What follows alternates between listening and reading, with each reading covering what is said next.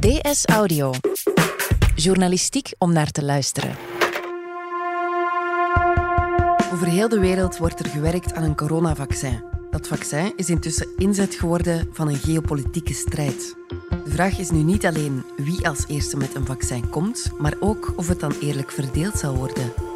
Het is woensdag 13 mei. Mijn naam is Lise Bonduel en nog altijd van op afstand is dit DS Audio.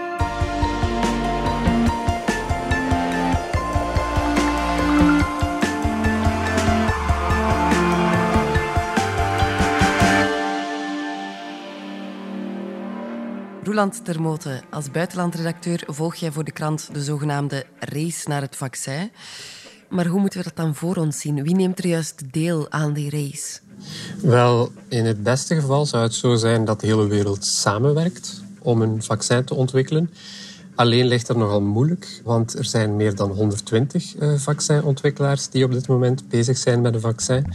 Uh, die staan niet allemaal even ver. Er zijn vaccinontwikkelaars die nu al menselijke proeven aan het doen zijn. Er zijn er veel die nog niet in dat stadium zitten. Maar die bevinden zich zowel in de Verenigde Staten als in Europa, als in China, als in een aantal andere, voornamelijk westerse landen voor het overige. Ja. En, en um, er is ons vaak gezegd dat het vaccin er in de herfst al kan zijn, of in januari in het slechtste geval. Hoe realistisch is dat? Hoe lang duurt het normaal voor zo'n vaccin op de markt is? Wel, het, het, kan eindeloos duren in het allerergste geval. Maar in het snelste geval tot nu toe, uh, dan spreken we over het vaccin voor de BOF. Ja, dan heeft het vier jaar geduurd om een werkend vaccin op de markt te krijgen. Dus nu willen we eigenlijk sneller gaan dan ooit. Veel uh, experten spreken uh, de hoop uit om in 12 tot 18 maanden met een uh, vaccin te komen. Dat is al eigenlijk optimistisch. Uh, maar dat zouden we nu dan bereiken door ja, er veel meer vuurkracht dan ooit achteraan te gooien en ook sneller te gaan met het hele testproces. En dan is er ook, uh, ja, sommige vaccinontwikkelaars zijn heel optimistisch over hun eigen vaccin en hebben al gezegd, ja, ik wil het, uh, wij hopen het in september al op de markt te kunnen krijgen. Het probleem dat daar rijst, is dat niemand helemaal zeker is dat als een vaccin in een bepaald land ontwikkeld wordt, dat het land dan ook bereid zal zijn om dat vaccin te delen met de rest van de wereld, of toch niet in het beginstadium op het moment dat er nog uh, weinig vaccins beschikbaar zijn. Dus uh, ja, alle landen kijken toch een beetje argwanend naar elkaar. Als land X het eerste land is om een vaccin te ontwikkelen, of daar het vaccin ontwikkeld wordt, zal de regering daar dan uh, ja, niet zeggen we houden de eerste zoveel miljoen exemplaren voor ons. Dat lijkt nogal een waarschijnlijk scenario in, in de ogen van veel experts. Het gaat dus niet alleen om een vaccin. Het land waar als eerste een vaccin wordt ontwikkeld, heeft direct ook een grote machtspositie. Ja, want in principe ja, worden vaccins ontwikkeld uh, vaak door universiteiten, maar, maar voor een groot deel door privéfirma's, soms ook door instituten die verbonden zijn aan de overheden.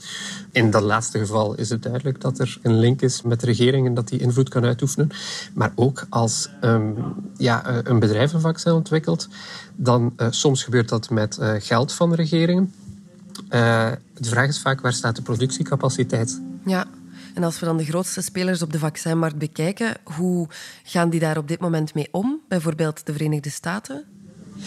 Wel, er zijn verschillende invalshoeken. Als het over de VS gaat, dan is tot nu toe de indruk dat het eigenlijk toch wel uh, nog steeds om een America First uh, beleid gaat. Daar is men heel hard bezig met vaccins aan het ontwikkelen. En die, dat wordt ook ondersteund door de Amerikaanse regering. Ook de Amerikaanse defensie wordt daarin ingeschakeld. En eigenlijk gaan de meeste mensen die daar vrij dicht op zitten ervan uit dat ja, als alleen de VS in het begin over een vaccin zou beschikken, uh, dat de bereidheid om die te delen nogal klein is. Mm -hmm. En hoe zit het met China? Well, China is iets onduidelijker nog in die zin. In ieder geval weten we dat men daar ook al heel ver staat in het ontwikkelen van een vaccin. Uh, maar daar rond zijn toch een aantal vragen. Eén, ja, China heeft sowieso uh, heel veel mensen die zelf moeten gevaccineerd worden. Dus het, het, eerste probleem zal dan sowieso zijn, zelfs als er vaccin komt, productiecapaciteit. Maar daarnaast is het wel zo dat als, als China echt die capaciteit zou hebben om vaccins te ontwikkelen en die dan op grote schaal ook te produceren en te verspreiden, zou het eigenlijk een enorme kans zijn voor China om zijn blazoen op te poetsen. Want wat er tot nu toe gebeurd is, is dat ja, de uitbraak die kwam uit Wuhan. Aanvankelijk uh, leek er een soort uh, doofpotoperatie aan de gang. Uh, dan had China het min of meer onder controle. En dan begon het aan een soort van ja, pandemie-diplomatie, waarbij het naar andere landen ook informatie- en desinformatiecampagnes uh, starten om het te doen lijken alsof de rest van de wereld de zaken niet onder controle had en China wel. En dat is heel slecht gevallen. Dus in, in die omstandigheden zou China eigenlijk door vaccins te kunnen verspreiden de wereld gunstiger kunnen stemmen dan ze op dit moment gestemd is tegenover China. En tegelijk een rol van wereldleider kunnen innemen. Wat dan weer een reactie vanuit de VS natuurlijk zou veroorzaken. Ja. Dus Dit vaccin kan dus de inzet zijn van een geopolitieke strijd. Wat is daar het risico van? Wat, wat je het liefst zou willen zien, is dat uh, ja, de hele wereld samenwerkt. Uh, misschien onder de vlag van de Wereldgezondheidsorganisatie. We're close to every nation. For us, rich and poor is the same. For us, weak and strong is the same. En alle landen die ja, de, de know-how hebben en de, en de capaciteit om een vaccin te ontwikkelen, dat die gewoon samenwerken aan één of een reeks vaccins voor de hele wereld. En in die zin zou het uh, fantastisch zijn als China en de VS en Europa allemaal aan hetzelfde zeel zouden kunnen trekken. The United States and China should come together. And the rest of the world should come together to fight this dangerous enemy. Maar tot nu toe is dat niet het geval. Geen cent krijgt de Wereldgezondheidsorganisatie nog als het van de Amerikaanse president Trump afhangt. China heeft te veel invloed op de WHO, vindt hij. Die hele coronacrisis komt op het moment ja, dat China en de VS al op gespannen voet leefden. Europa zit daar een beetje tussenin. En alles wat nu gebeurt rond corona, dus ook rond de vaccin, kan een stok worden voor ja, de VS en China om elkaar mee te slaan. This is worse than Pearl Harbor. This is worse than the World Trade Center. There's never been an attack like this. Could have been stopped in China. It should have been stopped right at the source. What China opposes is the US and other countries trying to politicize the origin of the coronavirus. Wat er dan bijvoorbeeld uh, zou kunnen is dat, ja, ik zeg maar wat, als China vaccins levert aan een uh, Afrikaans land, dat dat land dan van de VS de vraag zou kunnen krijgen, ja maar ja, welke voorwaarden zijn daar in het geheim aan verbonden en aan wiens kant uh, staan jullie eigenlijk? En dat ja, eigenlijk moves die gemaakt worden in het kader van, van de bestrijding van een virus, dat die dan ook geïnterpreteerd worden in het kader van bredere geopolitiek, van, van die handelsoorlog tussen China en de VS. Dus dat eigenlijk een beetje ja, de, de wereldwijde volksgezondheid ook deels gegijzeld wordt door die, door die rivaliteit tussen twee grootmachten.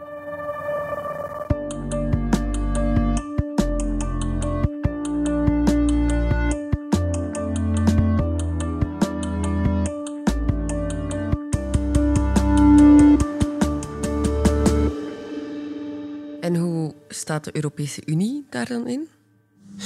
Tot nu toe probeert de Europese Unie zich op zijn minst uitwendig op te stellen als ja, de good kid, uh, zou je kunnen zeggen. En een aantal organisaties, zoals uh, de Wereldgezondheidsorganisatie, maar ook de uh, filantropen, zoals Bill, Bill en Melinda Gates en een aantal andere instellingen, die erop uit zijn om eigenlijk zo eerlijk mogelijke toegang voor ook de kwetsbaarste landen van de wereld en zo breed mogelijk toegang voor vaccins te voorzien.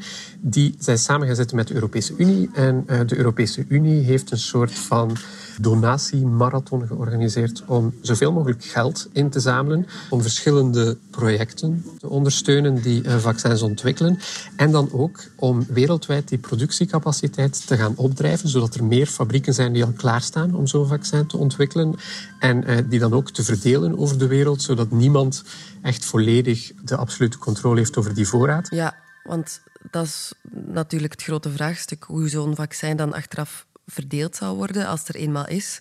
Hoe wordt er momenteel over gewaakt dat dat straks op een eerlijke manier gebeurt? Maar, uh, bijvoorbeeld een aantal miljarden gaan naar het ontwikkelen van een portfolio van investeringen in verschillende vaccinbedrijven op verschillende plaatsen in de wereld. Uh, ja, dus, dus wat die vaccincoalities, waaronder meer de Europese Unie en ook een aantal organisaties die echt gespecialiseerd zijn in dit soort werk inzitten, zij financieren een aantal van die uh, vaccinontwikkelaars en proberen een zo breed mogelijke portfolio te ontwikkelen van kansrijke vaccinontwikkelaars, zodat als een van die ontwikkelaars uiteindelijk een goed vaccin heeft, dat zij dan afspraken kunnen afdwingen die ze vooraf gemaakt hebben met die ontwikkelaar. Namelijk, uh, kijk, wij hebben jullie ontwikkeling mee gefinancierd of we hebben al vooraf een aankoopcontract gesloten voor zoveel exemplaren. Maar in ruil hebben we ook afgesproken dat uh, jullie die vaccins uh, gaan leveren aan een bepaalde prijs, of niet boven een bepaalde prijs. En dat jullie er ook zoveel beschikbaar maken uh, via een, een, verdelingsmechanisme voor een heleboel landen die, die dan bevoorraad worden door die vaccincoalitie. Dat is het ideale scenario. Dus een deel daarvan is ontwikkeling. Een deel daarvan is ook echt het, het opschalen van de wereldwijde productie. Overal bedrijven die nu al vaccins produceren, ertoe aanzetten om hun productie over te laten schakelen naar coronavaccins, enerzijds, of gewoon zelfs nieuwe fabrieken zetten. Dat klinkt allemaal natuurlijk heel nobel, maar ja, zal iedereen zich aan de afspraken van zo'n vaccincoalitie houden op het moment dat een partij als eerste een vaccin heeft? Ja, dat, dat is het. Um, de vraag is natuurlijk op het moment dat zo'n vaccin er komt en als die productiecapaciteit toch beperkt zou zijn, of al die uh, beloftes die nu gedaan worden, of die dan ook zo hard zullen zijn. In Europa zal er ook uh, een grote vraag zijn bij burgers om toch ja, Europe first, of op zijn minst hun land eerst uh, te bedienen. Um, en we hebben in het verleden met andere virusuitbraken ook gezien dat dat een beetje de algemene tendens is in de rijke wereld. Bijvoorbeeld in 2009 had je de, de varkensgriep, de H1N1 varkensgriep. En toen ja, om eerlijk te zijn was het niet zo dat er al zo'n mechanisme in ontwikkeling was zoals er nu was. En men heeft wel geleerd uit die ervaring. Maar wat er toen gebeurde was dat een heleboel rijke landen eigenlijk alle vaccinvoorraden via voorverkoopcontracten al begonnen te hamsteren. En toen uiteindelijk eh, werd er wel toegezegd, bijvoorbeeld de VS zei wij zullen 10% van onze vaccins delen. Maar toen bleek dat het nog niet, niet helemaal um, van een leien dakje liep met de productie van de vaccins. Dan krabbelde de regering Obama ook weer een beetje terug en meldde die van ja, we gaan toch eerst onze eigen burgers moeten kunnen voorzien. En dan kunnen we nog vaccins verdelen. Uiteindelijk zijn er denk ik zo'n uh, ongeveer 77 miljoen vaccins verspreid vanuit rijkere landen naar, naar andere landen. Maar dat was veel te weinig en in uh, flink wat gevallen veel te laat. Maar de vraag is nu, kunnen we dat scenario vermijden? Uh, er is in ieder geval een wereldwijde vaccincoalitie die dat wil vermijden. Daarvoor moet er veel goed gaan. En daarvoor moeten al die investeringen uh, nu ook vlug gaan gebeuren.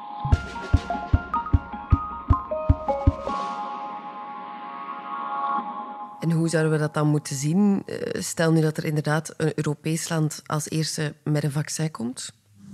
Dat, dat, is een beetje de vraag natuurlijk. Dus voor, voor hen geldt vaak ook wat voor andere regeringen geldt. Um, ja, een, een, land als Duitsland stelt zich altijd een beetje internationaler, multilateraler op dan de VS onder Trump bijvoorbeeld, toch tenminste. Um, maar de kans is omstaande dat je onmiddellijk 7 miljard vaccins hebt die je in één keer de hele wereld kan rondsturen. Dus sowieso moet er een soort verdeelsleutel zijn. En in de aanloop daarnaartoe zal sowieso ook een politiek spel beginnen, ook tussen Europese landen. Waar, zitten zij in die verdeelsleutel? En landen met een grote farmaceutische industrie zullen ook ja, gewoon voorraden in de eerste plaats voor zichzelf willen en daarna pas voor anderen. Hoe gaan we vaccins verdelen binnen Europa, weten we eigenlijk ook nog niet. En ja, het zijn open vragen. Als je het zou ontwerpen vanuit een soort wereldwijde humanitair ingestelde blik, dan wat je eigenlijk zou willen doen, is wereldwijd alle uh, hoogrisicogroepen uh, een vaccin bieden. Gezondheidswerkers, uh, bejaarden met, die, die al een zwakke gezondheid hebben, bijvoorbeeld. Dat soort groepen, en die wil je wereldwijd vaccineren. Maar de kans is natuurlijk groot dat veel landen iets anders gaan doen. dat ze eerst gewoon hun hele bevolking zullen vaccineren, of bijna een hele bevolking inclusief laagrisicogroepen, voor ze eh, de rest van de wereld willen uh, te hulp schieten. -hmm. En wat als er nu eh, geen enkel Europees land met een vaccin op de proppen komt? Well, dan, dan, zijn we natuurlijk een beetje afhankelijker dan, uh, dan in andere uh, gevallen. Ja, enerzijds, dat soort vaccincoalities waar, waarbij we ons aansluiten, kan ons daar misschien ook wel te hulp schieten. Ik bedoel, als je zelf onderdeel bent van een vaccincoalitie en uh, vanaf het begin mee gefinancierd hebt, dan is een van de voordelen die daaruit kan voortvloeien dat, ik zeg maar wat, als zo'n vaccin uit Australië zou komen, dat er dan een deel toch ook de Europese richting opkomt. Europa heeft natuurlijk de financiële slagkracht wel om vaccins te kopen die bijvoorbeeld de Afrikaanse Afrikaanse Unie niet heeft. Het kan zomaar dat, stel dat het een vaccin uit de VS komt, dat daar dan ehm, voorwaarden aan verbonden worden. Bijvoorbeeld, dat, dat is toch wat we gezien hebben met president Trump in het verleden, is dat, uh, dat er vaak een quid pro quo tot stand uh, moet komen. Dus dit hoeft niet te gebeuren, maar bijvoorbeeld dat wij Amerikaanse vaccins krijgen in ruil voor het verlagen van voedselveiligheidsstandaarden of het verlagen van importtarieven bijvoorbeeld. Kan je allemaal uh, inbeelden dat dat soort dingen gebeuren. En als we nu al even de balans opmaken, hoe staan we er momenteel voor? Welk land is momenteel koploper? Er zijn een aantal landen die koploper zijn. Eh, in de VS zit men al vrij ver in China. Zit men ook al in eh, de tweede fase van de menselijke testen in een aantal gevallen. Ook bijvoorbeeld de Universiteit van Oxford staat al ver. Maar het is heel uh, moeilijk om te zeggen ja, wie daar als eerste zal uitkomen. En wat er dan ook nog een bijkomend probleem is, is dat het, als het gaat over vaccins uit China, dat er in het verleden vaak uh, sceptisch is geweest in het Westen over de veiligheid en alle verificatie van die veiligheid, of daar wel genoeg zal uh, over gecommuniceerd worden door Chinese wetenschappers. De dynamiek is een beetje dat, ja, zelfs als er niets mis is met zo'n Chinees vaccin, dat westerse wetenschappers zoveel mogelijk informatie zullen willen. En dat het niet zeker is dat, dat die dan vanuit China meteen zal komen. Het kan zijn dat ze dat, uh, dat ze dat niet willen doen om niet te buigen voor internationale druk. Dus dan zou er ook wel argwaan kunnen zijn tegenover zo'n Chinees vaccin. Anderzijds, armere landen zullen uh, al vlugger geneigd zijn om, uh, om te zeggen... ja, laten we toch maar met, met China in zee stappen als China echt ja, aan aantrekkelijke voorwaarden zo'n vaccin aanbiedt. -hmm. En hier, wat doet België momenteel? Ehm, in België is het in ieder geval zo dat er ook uh, vaccinontwikkelaars uh, zijn. Uh, dus hier wordt ook onderzoek gedaan naar vaccins. België heeft veel farmaceutische eh, bedrijven. En daar zijn uh, ongetwijfeld al, uh, al gesprekken mee. Ook um, als het gaat over het vaccin dat nu in Oxford ontwikkeld wordt. De chef van de universitaire ziekenhuizen daar in Oxford, dat is een Belg, die zei ook dat er daar ook over, met, met België al gesprekken over lopen. Dus dat als zo'n vaccin zou werken, dat het waarschijnlijk eerst uh, zou uitgerold worden voor alle burgers van het Verenigd Koninkrijk. Maar, maar dat hij er in ieder geval ook graag zou zien dat, uh, dat, dat België daar dan uh, van kan meegenieten. En tot nu toe zijn de signalen die er komen vanuit de regering dat ze er vrij gerust op zijn dat België inderdaad het vaccin zou kunnen beschikbaar maken. Maar bon, dat hangt er ook vanaf uh, welk vaccin het uiteindelijk wordt natuurlijk. Als het niet in België ontwikkeld wordt en zelfs niet in Europa, dan zijn we misschien niet de, de allereerste. Maar dan hopen we ook weer te profiteren van, van ja, de wereldwijde verdelingsmechanismen die we, die we nu proberen op te zetten. Ja, dat zou mooi zijn natuurlijk. Bedankt, Roland Termote. Graag gedaan. Dit was DS Audio. Wil je reageren? Dat kan via dsaudio.standaard.be. In deze aflevering hoorde je Roland Termote en mezelf, Lise Bonduel. De redactie gebeurde door Fien Dille en Anna Korterink. Anna deed ook de eindredactie. Brecht Plasgaard deed de audioproductie. Brecht schreef ook de muziek die je hoorde in deze podcast. Chef audio is Wouter van Driessen. De extra geluidsfragmenten kwamen van VRT en Reuters. Vond je deze podcast interessant? Weet dan dat je er elke werkdag één kunt beluisteren. Dat kan via de DS Nieuws app of via standaard.be-audio. Je kunt je ook abonneren via iTunes, Spotify of de podcast-app van je keuze. En als je daar dan toch bent, schrijf gerust een review. Zo toon je ook anderen de weg. Morgen zijn we er opnieuw.